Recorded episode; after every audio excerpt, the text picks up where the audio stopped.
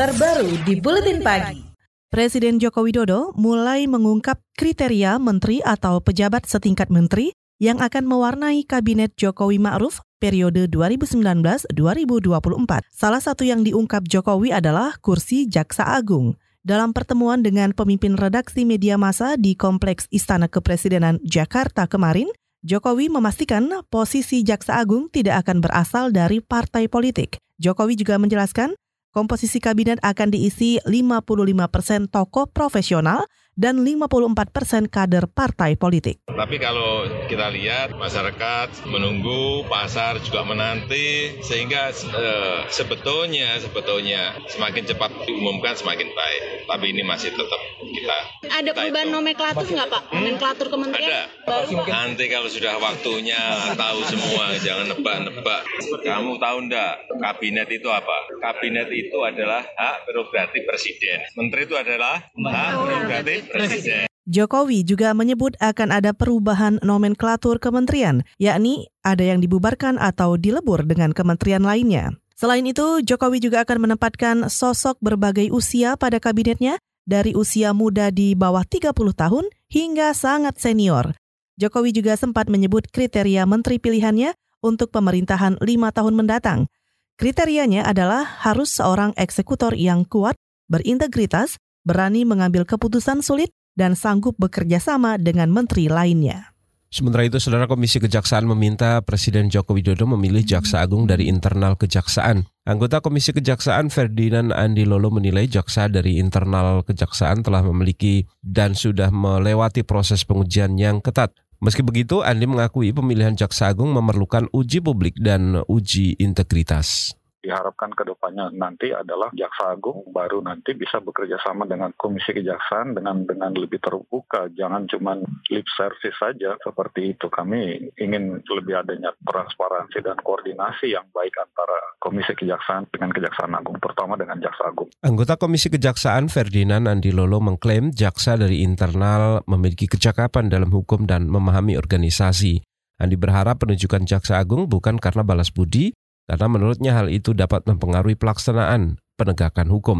Menurut Andi Lolo, Jaksa Agung saat ini tidak terbuka dalam memberikan informasi kepada masyarakat termasuk kepada Komisi Kejaksaan.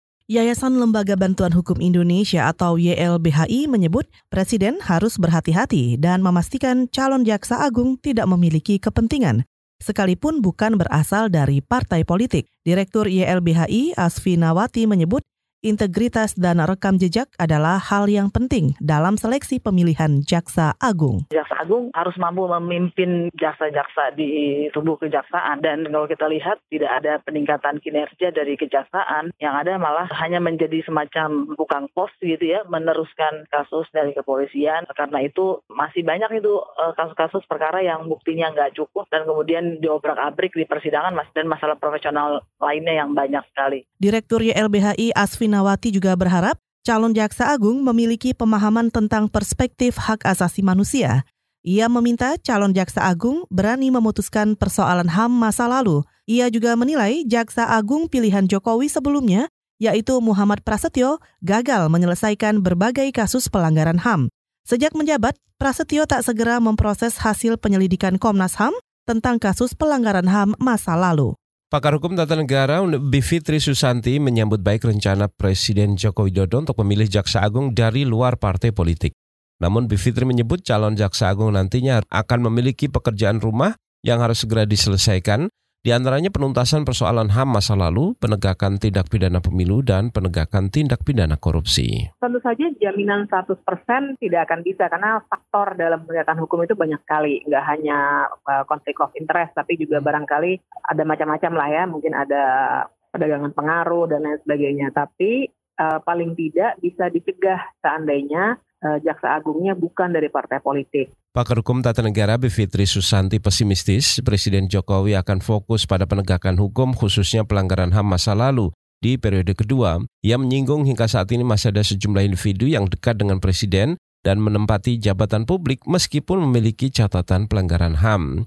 Bivitri tidak berkomentar soal sejumlah nama yang dianggap mampu memimpin Korps Adiaksa sejumlah nama non-partai yang mencuat dalam bursa kursi Jaksa Agung di periode pemerintahan Jokowi yang kedua adalah bekas Ketua Mahkamah Konstitusi Mahfud MD, Duta Besar untuk Norwegia Todung Mulya Lubis, aktivis HAM Haris Azhar, hingga Guru Besar Fakultas Hukum UGM Edi OS Hiarij.